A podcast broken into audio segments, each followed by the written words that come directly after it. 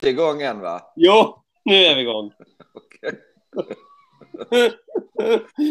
Okej, okay. bra. Du, jag sa precis till Erik innan vi började, nu var vi igång redan, så sa att vi måste vara lite gladare. Vi var så sammanbitna förra gången. Vi var kanske koncentrerade. Ja, det var lite siffror att hålla i huvudet och sådär. Mm. Får jag inleda alltihopa det här med en sak?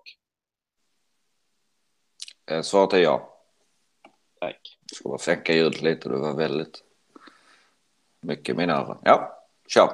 Förlåt. Vi ska ringa, eh, jag skulle ha ringt Johan Lindberg, men av någon anledning så svarar inte han nu. Han vet kanske att du skulle ringa. Ja, precis. Nu är det spännande. Vem ringer vi i detta avsnitt? Jaha, blev det en annan istället? Ja, just det. Ola, Är det här Ola Lärnå på Sulkesport? det stämmer. Hej! Det här är Per Skoglund och Erik Adielsson. Tjena. Du, eh, du skrev en grej idag som jag läste med mycket stort nöje. Och jag vill bara reda ut det här. Och du, eftersom du är en så stor fan av amerikansk travsport så kan väl du reda ut det här för mig. Har man, Oj. har man tagit beslut om att förbjuda enhandsdrivning på det hela taget nu i USA? Så riktigt så enkelt är inte USA som är uppdelat i stater med självbestämmande rätt. Men eh, beslutet, eller rättare sagt, eh, hur ska man förklara det då? Är det ett så kallat inriktningsbeslut? Beslut Att det bör förbjudas och så ska det implementeras i alla stater efter det. Och det hoppas jag att alla följer efter nu. Det finns ett beslut som säger att man ska förbjuda det och det ska implementeras. Ja, Och vad ligger bakom detta? Ja, alltså de, de hade ju en världskonferens i Kanada, i Charlottetown tror jag det hette, i eh, höstas där den här frågan kom upp och den drevs väldigt hårt av, av, eh, av Sverige faktiskt, av, av Johan Lindberg och Petter Johansson som, som eh, verkligen framförde att ja, olämpligheten i genhandsspridning. Det är väl alla egentligen, alla som tycker om nu, eh, förstår ju att det inte är förenligt med 2018. Och samtidigt har ju faktiskt eh, jänkarna fått eh, John D. Campbell som ordförande i eh, Hamiltonian Society som är typ en paraplyorganisation väldigt, eh, väldigt viktig för, för eh, sporten där. Och han är med på tåget och tycker att det är direkt olämpligt och det tror jag är en, ja, det är en nyckel att kunna driva igenom det. Egentligen Ehm, så jag sa så är staterna självbestämmande och egentligen är det väl bara två stater kvar och det är New Jersey och det är New York. Men i, i New Jersey finns det ju inte så många banor men i New York finns det ju en väldig massa banor som det är tillåtet på fortfarande. Jag, jag, blir ju, jag blir ju på riktigt oerhört glad när jag hör det här. För att om det är någonting som har hållit mig ifrån att tycka att amerikansk travsport är ja, men, roligt att titta på fina hästar så är det ju just den här förbannade drivningen alltså. Hur känner du? Ja, men jag håller med. Jag, jag kan känna att ibland sätter vi oss på väldigt höga hästar i Sverige och tycker att vi är duktiga och att vi är bäst. Men det här är ju faktiskt en fråga som är så tydligt är vi mycket bättre än alla andra när det gäller drivningar. Vi, det finns fortfarande saker att göra i Sverige också och kanske vi måste förstå hur viktigt det är för att folk ska gilla den här sporten. Att, att det ser bra ut och att vi är rädda om våra hästar.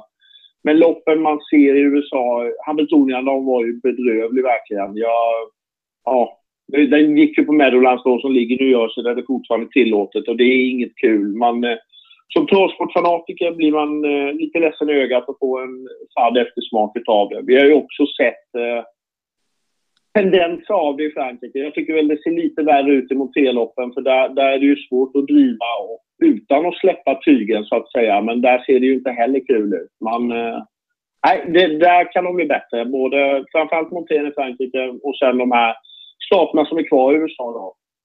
Sen, sen, jag- jag vill också säga att jag tror inte att hästarna far så illa som det ser ut. Men det är ju en estetisk fråga också givetvis. Vad säger du Erik? Ja, men det är bara att hålla med. Det, det är liksom ingen, jag tror inte det finns någon vettig människa som inte tycker så här. Alltså det, jag håller med. Just den, jag har ju sett mycket amerikansk travsport och det är som Ola säger, visst så stack förra Hamiltonian-dagen ut lite, men, men, men de, de, de har ju väldigt hård drivning och har haft det väldigt många år. Det har ju blivit bättre där också de senaste åren. Man, man ser nu för tiden eh, kuskar som till och med slutar driva när, när de inte har chans. Men går det tillbaka 20-30 år, då var det ju ännu värre. Eh, jag vet också att de har ett lite annat tryck på sig i USA. Jag vet att det är, det är kuskar som har blivit anklagade för att inte driva för mycket. Och det har jag reagerat på också ibland i Sverige, att vi har, eh, vi har några som, som kan opponera sig mot om man inte jagar på hästen tillräckligt. Men det är inte en tusendel av vad det är i USA. Men summa summarum, det, det är självklart att enhandsridning ska bort. Mm. Eh, jag, håller, jag håller också med Erik där. Det här med tendensen, vi behöver inte gå mer än tio år tillbaka så var det betydligt värre. Men i de vanliga loppen så är det ganska okej. Okay. Eller missförstå mig rätt där, men jag tycker att det tenderar att bli betydligt värre när det är de stora pengarna. Och det är klart att det blir så om det finns... Jag tycker kuskarna på något sätt har accepterat att i vanliga lopp där sitter de inte och, och, och flisar på på det sättet som de gjorde där med Hamiltonian-dagen. Jag är rädd att ja, det lugnar sig emellan, men när de blir de stora pengarna ja, då, på något sätt så krävs det av dem att de ska vara elaka mot hästarna och det är inget kul. Men, det, men så, det går ju alltid att få bort med straff. För, för om, det, om, det är, om det är 4 miljoner till vinnaren så är det inte rimligt att det kostar 700 kronor att göra en, en överträdelse. Uh, det Nej, det är också som jag säger.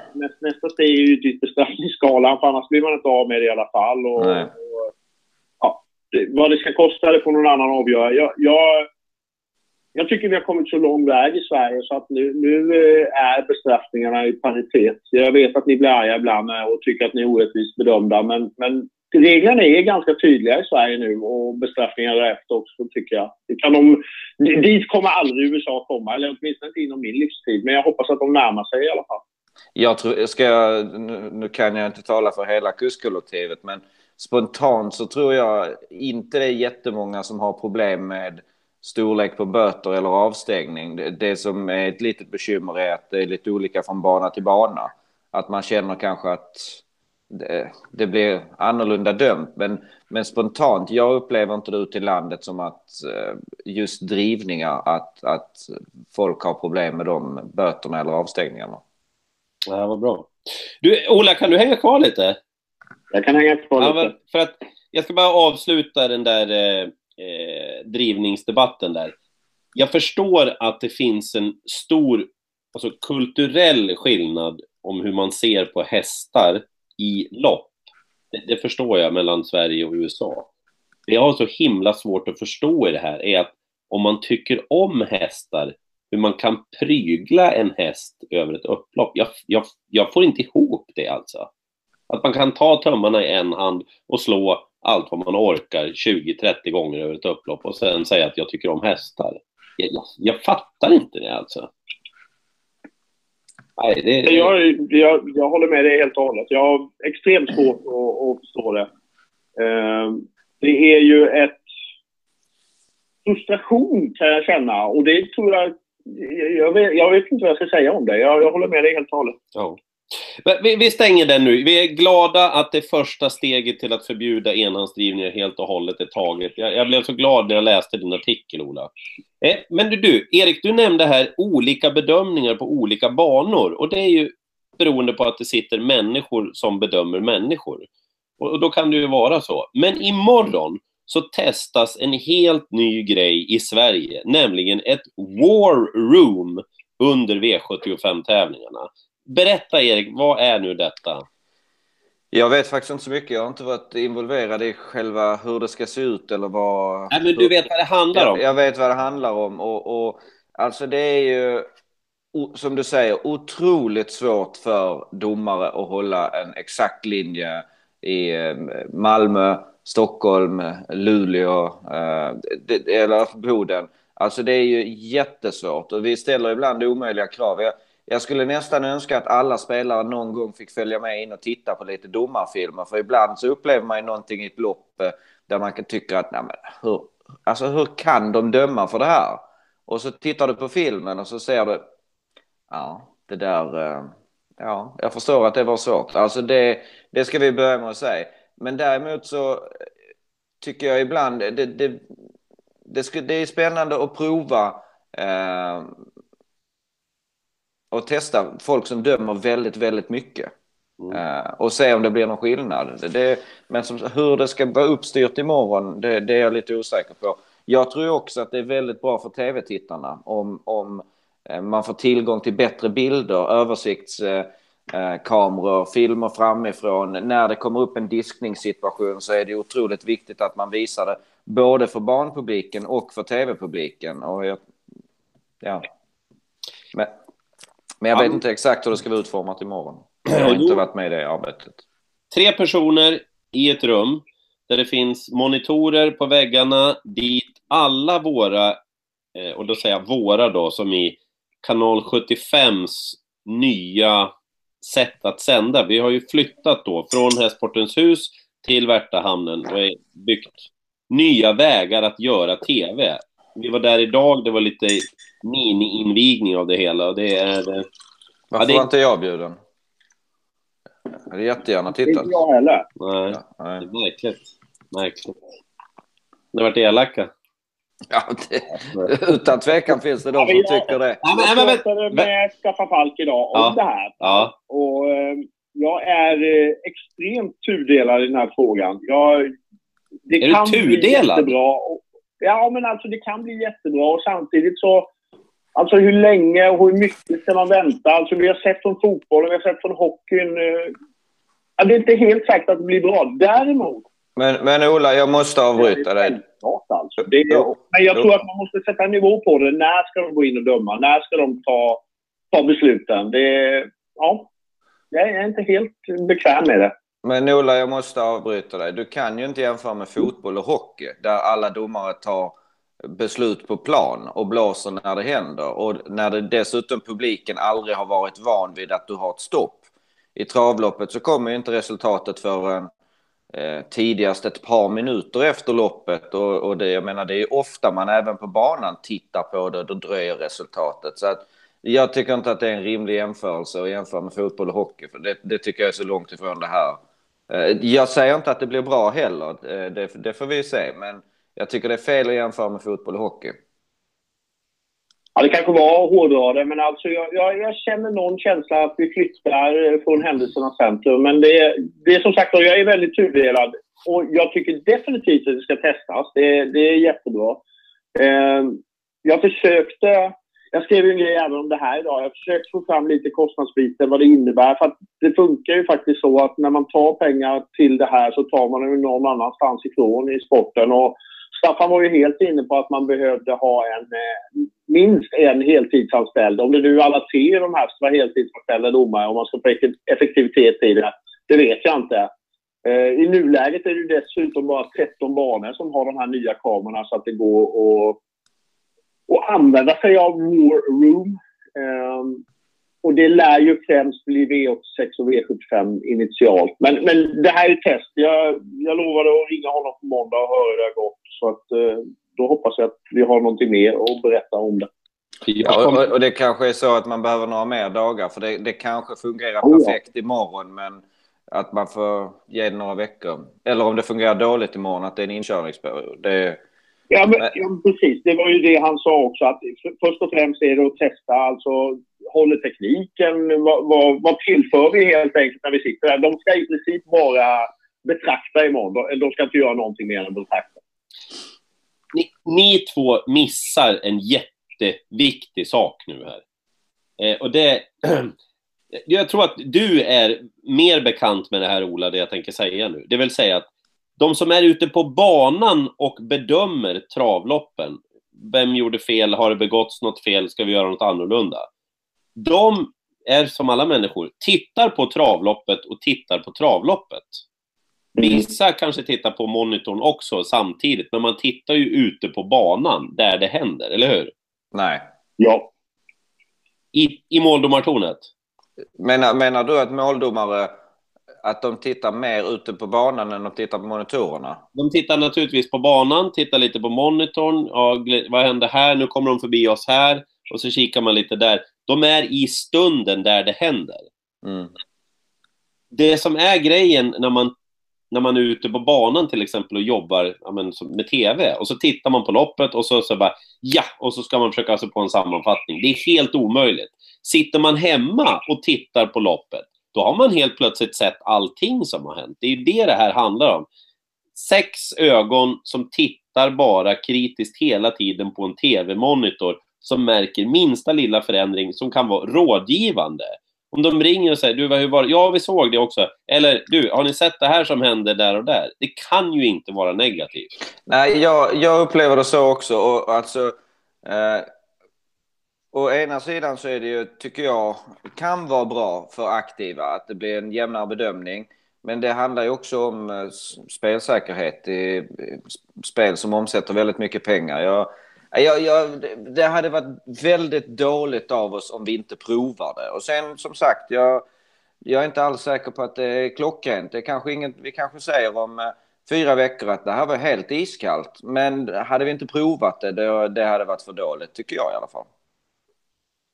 Jag håller med dig också Erik. Och, och du har ju varit, Per har jag inte träffat någon gång, men du kanske också varit med på någon måldomarkonferens där man får sitta med och se situationer och försöka bedöma. Och ibland har vi tittat på hela lopp och man sitter där. Och jag tycker jag har sett, jag har ingen aning om hur många lopp jag har sett uh, genom åren, men jäklar vilket svårt jobb de har alltså. Och att det kommer fler kameror, det är en nödvändighet om de ska kunna göra korrekta bedömningar. Det är jag helt säker på. Det är ju en sak till som man ska ta hänsyn till och det är ju att alltså, ju, mer, eh, ju mer kameror vi får, ju bättre upplösning, då, då kommer det också bli en annan bedömning av olika saker. Plötsligt ser man ju saker som man kanske inte såg när det var sämre upplösning och så vidare. Så att därför är också både domare och aktiva och liksom en övergångsperiod. Är, Men, men, men vänta nu, vad är det Ja, men ska, ska, du jäm, ska du jämföra med, ja, men om du hårdrar det till eh, 80-talet när vi har VHS och nu när vi har full HD så är det klart att du ser ju eh, situationer när, både när det är tajt och när det gäller drivningar som, som du ser bättre nu. Och det, det riskerar ju att det blir en lite annorlunda bedömning åt, åt olika håll egentligen faktiskt. Ja, det kanske är för att, jag vet inte. Jag trodde ni skulle vara odelat positiva till det här. Jag är positiv, jag är positiv men, det, men det det går ju inte att stämpla det här som en succégrej innan de, de tre stackarna har sutt, suttit på stolen första dagen. Nej. Men jag, jag tror att det blir jättebra, men jag har liksom inte... Men vet du vad? Det kan också vara så att jag har helt fel och att Ola har mer rätt, att man ska vara lite mer restriktiv i sitt uttagande av succéstämpel. Vi får se helt enkelt. Men det blir imorgon i alla fall, ett första test. Du Ola, hade du något mer? Nej, jag är väldigt nöjd så. Du är det? Mm. Tack så hemskt mycket! Tack själva. Ja. Ha det fortsatt trevligt. Ja, ja. Hej. Tjabba, tjabba. Du, hörru, Hej. du, Ja. du sprider det här till dina kompisar nu så att de tittar på det här nu också va? Att de eh, slutar enhandsdrivning i USA, ja. Självklart. Nej, det ska jag. Det ska Hej, jag. hej, hej. Ha det. hej. Hej. Påtvingad reklam, det är det bästa som finns. Ja, men vill vi inte att det ska vara Jo, fler? jo, jo, men det, det blir de Jag har inga sådana. Det här är, sådana skrupler. Nej, Ja, men- det är rätt, det är rätt, det är rätt. den här sändningen, det är du och jag som... Får du tag i Lindberg? Eh, ja, det går, det går trögt, måste jag säga. Mm, har du Ehm. mer på schemat? Ja, det har vi. Eh, hur är det med din axel? Bättre, men det går långsamt. Fanken vad långsamt det går. Det. Det är så himla dåligt alltså. Nej, det är inte så dåligt, men jag är helt säker på att det skulle vara bra nu. Det... Jag har tagit någon dag av. Jag kör ju på exempelvis. Ja. Eh, Men så, så hade jag lite lugnare på... Lyssnar han inte ens? Jo, Så hade jag lite lugnare på onsdagen och då stod jag faktiskt över för att jag, jag vill försöka smyga igång det. Jag, jag kommer vara lite mer selektivt än vanligt de närmsta veckorna. Men okej. det, det går bättre och bättre Mm. dag för dag. Jag frågar igen då. Ska jag vara orolig? Nej, allt är lugnt. Hallå Johan Lindberg! Hej Per Skoglund. Oj, du låter trött. Nej, men jag är förkyld. Ja, Som alla andra. Ja, Jaha. det gick inte att undvika. Jag har provat hela vintern och, och lyckats bra, men det gick inte. Nej. Du, vi har pratat med Ola Lärno här om War Room och att du och Petter på er del har lyckats övertyga jänkarna om att förbjuda enhandsdrivning. Du ska få en liten sån här då. Det var svinbra. Vi har pratat klart om det ämnet där. Du var ute och flög då eller någonting. Så att vi har plussat för det och tyckt att det är jättebra. Och vi har pratat om War Room. Du ska, Ja. du ska få, eh, är du med Erik? Mejlet från Jenny Blasiusson ifrån Kalmar. Har du kört åt henne någon gång? Det tror jag. Det tror jag va? Mm. Har du någon koll på henne? Ja. Ja, ska jag läsa upp mejlet då? Tycker du det? ja, det lär väl bli svårt om Johan ska prata. Nej då. Johan, är du med? Det här är från en, en tjej som kallar sig för en skitamatör. Ja. Och hon skriver då att hon, eh, hon räknar på en kostnad på ungefär Eh, 5 000 per år för hästen och ja, men någonstans 60-65 000 om året och allting som tillkommer. Det gör inte henne någonting. Hon tror inte att hennes gelikar att det gör henne någonting. Men hon ser problemet då att de hästarna som dög i loppen för 10-15 år sedan med de träningsförutsättningar som man hade då, de duger inte längre idag. Och det är det som gör, tror hon då, att många har lagt av. Hon har inte egentligen någon riktig bot på det här, utan hon tycker mer att det är, ja, men att det är så det har blivit och att det är väldigt tråkigt att de bra har blivit bättre, om jag ska tolka hennes mail rätt. Och det är lite det jag var inne på också. Det känns lite jävligt att jag läser upp det här mejlet, men jag, jag vill inte släppa den tanken riktigt på att de, de bra har blivit ännu bättre och de som har lagt av kände att de inte räcker till riktigt grann. Eh, Jag har, Ja. fått, jag har fått fler sådana här mejl också och sms efter vår senaste sändning, Erik, om just det här att man inte känner sig ja, men otillräcklig med sin häst för man har inte samma förutsättningar. Nej. Men, men otillräcklig i alla lopp eller otillräcklig i V75 eller? Ja, men på det hela taget. Vi har ju egentligen bara breddloppen nu där det är, om man säger, en lägre division av hästar. Eller? Men- jo. Men det är inte så bara, för det är ju, vad är det Johan? Är det 10 eller 15 procent av loppen? Ja, det är 10-12 procent nå- någonting som är, som är breddlopp. Men, men nej, hon är inte, är inte ensam i det. Utan, utan det är, det är en, en av de största anledningarna till varför B-tränare har slutat. Det är ju för känslan att man inte räcker till. Så den är, den är, hon sätter ju fingret på någonting. Och eh, det är någonting som vi... Breddloppen är egentligen en start på ett, på ett divisionstävlande. Eh, och jag tror, jag tror att vi, vi pratade om det förra veckan lite grann, men jag tror att vi behöver, att vi behöver utveckla det mer. Att vi sk- kanske skulle... Jag, jag, tycker, jag tycker mig känna och se att det är rätt många banor nu som börjar införa eh, lopp för B-tränade hästar eller, eller fler eh, lopp för, för B-trä, B, B, alltså amatörkuskar och så vidare. Och det, det tror jag är viktigt. Jag tror vi skulle kunna göra roliga saker med det också. Ja. Jag skulle vilja, jag skulle vilja köra någon av Winterburst-omgångarna. Eh, bara, bara för B-tränade hästar. Så kan vi kalla det för amatörernas julafton. Vore inte det bra? Fy fan vilken bra idé! Ursäkta att jag svor nu här, men det var ju... Ja, men Det det, vore ju- det vore kul. Ja, men om, om anmälningen är någonting som den är till breddloppen, då kommer det vara svårt att få plats där i alla fall. Och så, fem, och så 15 hästar i loppen, då, då blir det... Men, vänta, en i taget, en i taget. Johan, vad sa du? Ja, vi kanske skulle köra Amerikaproppen på en sån då. Det hade väl varit kanon. Alla, förklara det bara kort. Amerika propp. Nej, men att, att man anmäler... Man, man har egentligen bara en proposition och så anmäler alla och eh, man, man sorterar in loppen utifrån, utifrån vinstsumma så att säga. Men, men alla, alla som anmäler, så tillvida att det finns tillräckligt många gästboxar. Det har ju, vi har ju sett några, några gånger när, vad var det, 196 anmälda till Gävletravet på en, på en bröllopsdag. Och då, då är det ju svårt såklart i, i en proposition. Men, eh, men, men någonting sånt. Nej, men jag tror att det, vore, det, det, det, finns saker, att- det finns saker att göra för, för det. Och vi behöver utveckla divisionssystem. Ja, det tror jag också. Jag diskuterade det här faktiskt idag. Jag var på moderator för Hovslagarnas riksförbund, tror jag det är, hade en stor tillställning på Solvalla idag. Det var ja, drygt 500 personer som satt bland annat och lyssnade på Stefan Hultman och Svante Båth. Då diskuterade vi det här med divisionssystemet. Eh, Ja. Svante, han kom med förslaget då att han tycker att det borde vara flera lopp där amatörtränade hästar skulle få ha mycket mer pengar på sig än proffstränade hästar. Han trodde på en sån idé. Vad tror du om det, Erik? Jag har inte funderat på det, men... eh, Nej, varsågod. ja. Eh, blir det inte orättvist då?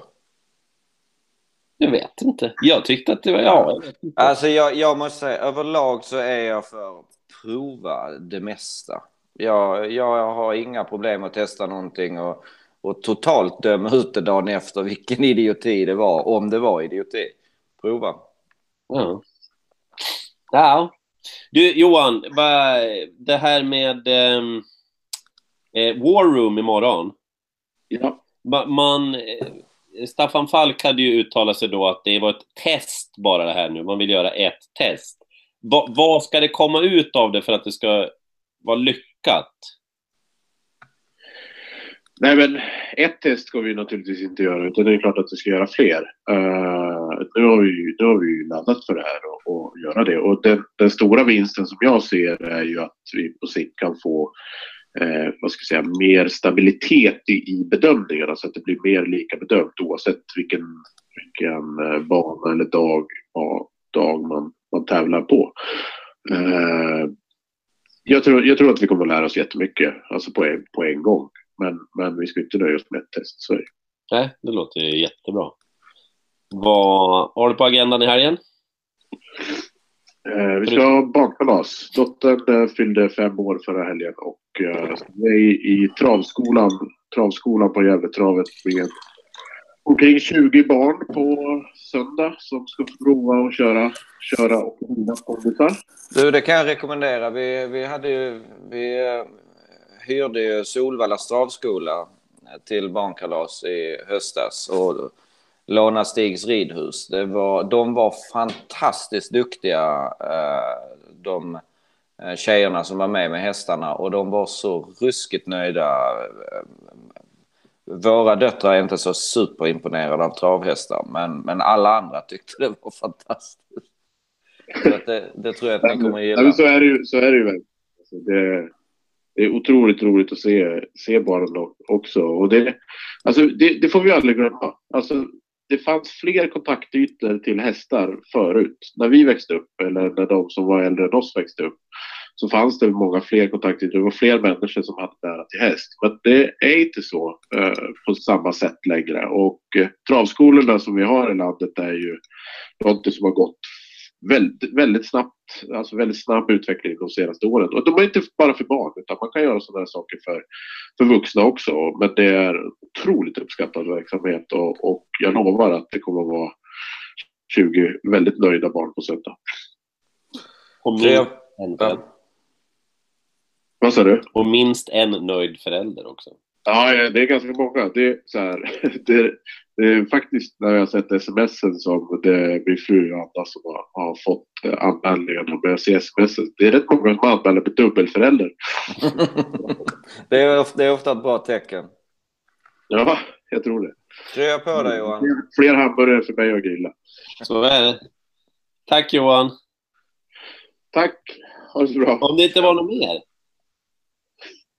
Nej, ja, Skellefteå leder med 4-1. Det ser bra ut. Ja, eh, Nej, de vann. Är klart. vad tycker du om trav, heter det här programmet. Hej då. Hej då. Du, Erik, läste du Ralf Göstas mejl där? Ralf som håller till på Åland. Han är en ung kille, får vi kalla honom. Eh, som har haft, ja men rätt eh, bra framgång när han har varit i Sverige och tävlat med hästar. Han känner sig utestängd som amatör, skrev han där. Jag läste också att Rebecca Dahlén, som det går så himla bra för nu, har också uttryckt lite synpunkter på det där. Jag medvetet la på till Johan där, för att jag vet att det där med licensgrejerna är inte riktigt hans bord. Har du varit med i licenskommittén någon gång? Nej. Nej.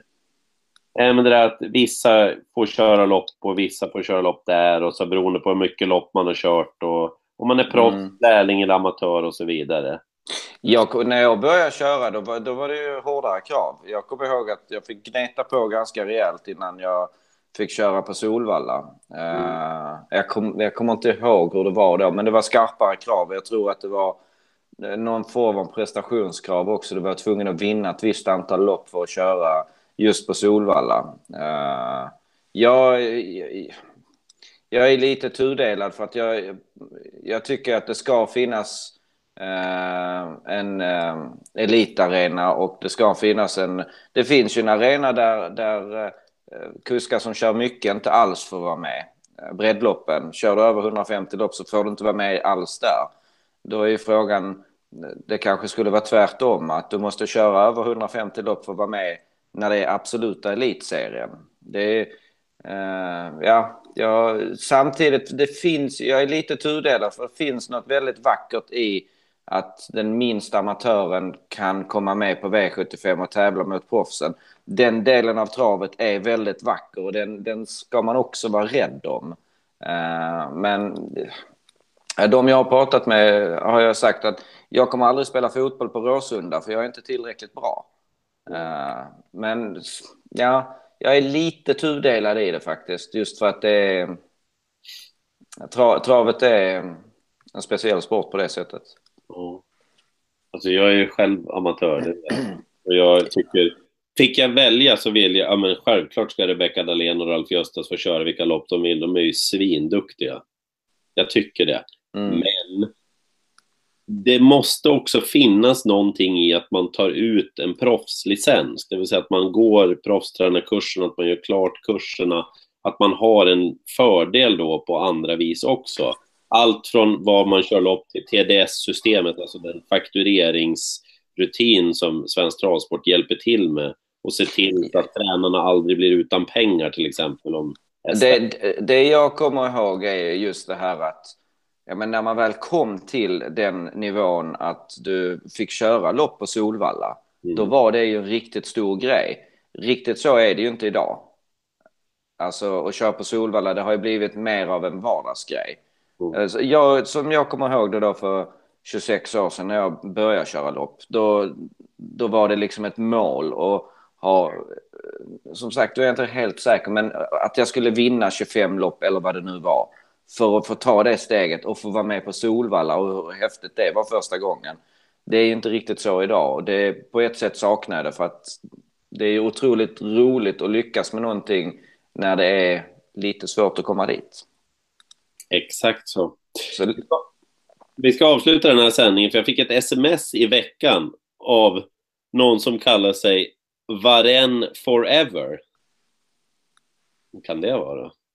Du måste fråga Erik om kuskmatchen i Italien när han trodde han hade vunnit, men jag anade oråd. Vad är det här för någonting?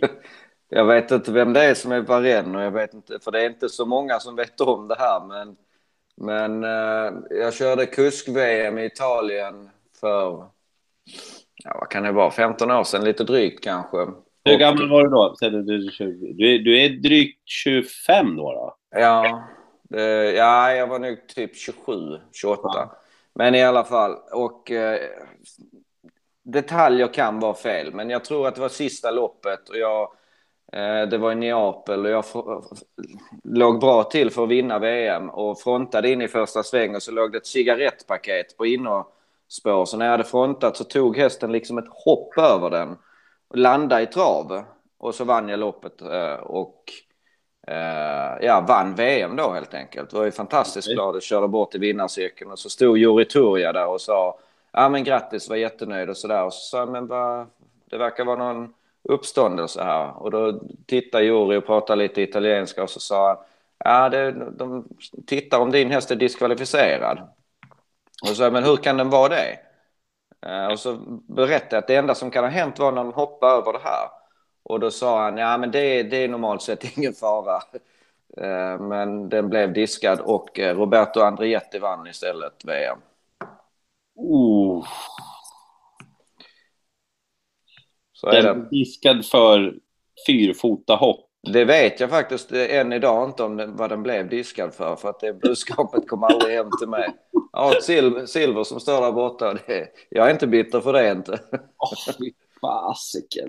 Vad hette den där signaturen? Varen Forever. Det måste vara Juri Toria, för det är, det är typ bara han som vet om det här. Okej. Okay. Har, du har du någon mer sån där kuskmatch-minne? Eller så? Ja, jag, kört hundra stycken. Ja, nej, jag hade ju en... Eh, ja, jag har flera stycken, men jag, jag förlorade ett VM till när jag i, i uh, Kanada. I sista loppet så var jag tvungen att bli, om det var sjua eller sexa. Och eh, satt i ryggledaren med en passgångare och vred ut början på upploppet och liksom trodde jag skulle vinna men ja, den bromsade faktiskt. Och, bör, och började bryta till höger och vänster och, precis 30 meter innan linjen så om då sjätte eller sjunde priset, kommer jag inte ihåg vad det var, så krokar jag och en annan ihop. Alltså inte hjulen invändigt om varandra utan bara gafflarna touchade. Ja, ja. Eh, men jag var ju sexa i mål, hej och hå. Och eh, då blev jag, för enligt en kanadensare där sa att det var första gången i Kanadas historia så ändrade de ordningsföljden på sjätte och sjunde priset. och då vann Jody Jameson. Som, och både Jody och eh, Roberto är fantastiskt trevliga människor. Så att jag, jag är inte sur på det. Men det är två lustiga historier.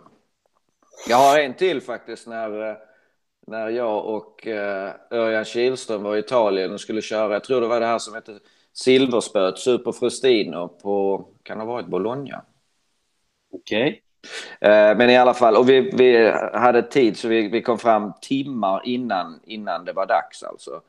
Eh, så vi stod, jag måste säga tävlingarna började sex och vi stod klockan tre och bara tittade ut över banan och så var det det var en häst i långvagn som galopperade runt fyra, fem varv eh, och tog inte ett travsteg alltså. Och, och, och då sa jag lite på, på skoj till Örjan, ska du köra den eller? Och så tittade vi på programmet och det var jag som skulle köra den. och fick inte stryka så jag, jag, jag kommer inte ihåg om jag körde en provstart och körde hem eller hur det var men det var... Ja, du, eh, man kan säga att eh, du har kört något travlopp både här och där. Ja, det har jag. Du, vad är mejladressen?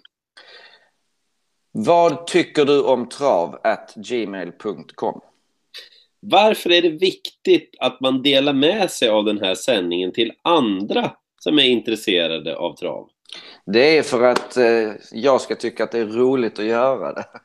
Exakt, där har du det. Vi, vi behöver inte, det behöver vi inte hymla med. Nej. Nej, men och sen är det också för att ju fler som ser det, ju mer inspel får vi. Jag ja. letar ju fortfarande efter det här. Jag vill ju att den här sändningen som vi gör nu, att folk ska kunna sitta och titta på den, komma på att ja, men det där med licenser eh, som Ralf Göstas och Rebecca Dahlén hade skrivit om, det vill jag också prata om. Och så ringer man in och pratar om det. Att det är ju fortfarande min dröm med det här programmet. Jag tycker just nu att du och jag pratar för mycket. Jag vill ha mer eh, Ola Lernå eller eh, eh, Lindberg eller vem det nu än är. Eh, jag, jag, mm, dit vill jag komma. Och är det någon som har bra idéer på det så får ni gärna säga till. Jag har lösningen på det. Ja, det är att köra live och så har man en fast tid. Men vad händer då den Eh, veckan som man sitter på ett flyg då. Eller, alltså då är det ju fast en viss tid varje vecka och i dagens samhälle är det inte... Fast i och för sig, om du kan vara det, då funkar det ju. För att, eh, jag menar, det kan ju vara någon annan än jag med. Nej! Jag, jo, du och jag gör det. Jag tänker inte göra det utan dig. Jo, men en, en enstaka gång. Nej. Jag tycker, ska vi fundera på om vi siktar och kör live en viss tid nästa vecka? Men det får ju bli typ klockan... Klockan tio, eller vadå? Klockan... Ja, kör, kör nio nästa torsdag. Nio nästa... Alltså på kväll. På kvällen. Jag ska se här. Tänkte du av nu? Ja, vänta lite. Jag ska bara titta. Nej, nej, men jag pratar på så slipper de se den där grejen i bilder. Jag kan berätta för er istället att... Um, vet du vad vi gör? Vi kör... Ja, vi kör vi läser alla mejl vi kör, per, per är med, först, eh, ansvarig för mejlen. Nästa torsdag den 29. Ja. Klockan 21.00. Uh, så kör vi det här. Frågan är bara hur vi ska, vi ska måste ha ett telefonnummer som de kan ringa in till. Ska du lämna ut ditt telefonnummer? Både du och jag. Du har ju inte heller hemligt telefonnummer. Jo. Har du det? Ja. Men lämna, lämna ut ditt och så kör vi en livesändning. Amen. Och så ber vi alla om hjälp att sprida den här. Så kan folk ringa in i direktsändning. Det gillar jag. Vi kör på det.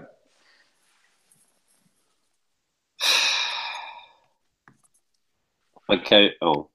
Jag litar på er nu som tittar på den här. Då. Uh, Vad är det nu, Erik? nej, ja. Kör- Klockan nio nästa torsdag. Japp, då kör vi. Okej, då kör vi Eller- live, eller- alltså. Ja, eller så kan vi kan göra så här att man kan mejla in då och så tittar vi i mejlkorgen och så kan vi ringa upp dig. Ska vi göra så? Det kanske är bättre. Klockan nio. Så att eh, sprid den här kanalen så mycket ni kan. Eh, titta på programmet på torsdag och så mejlar du in till vad tycker du om trav. Om du har någonting som du vill ta upp och så ringer vi upp dig. Så gör vi. Okej. Tack, tack och hej. Hej, hej, hej.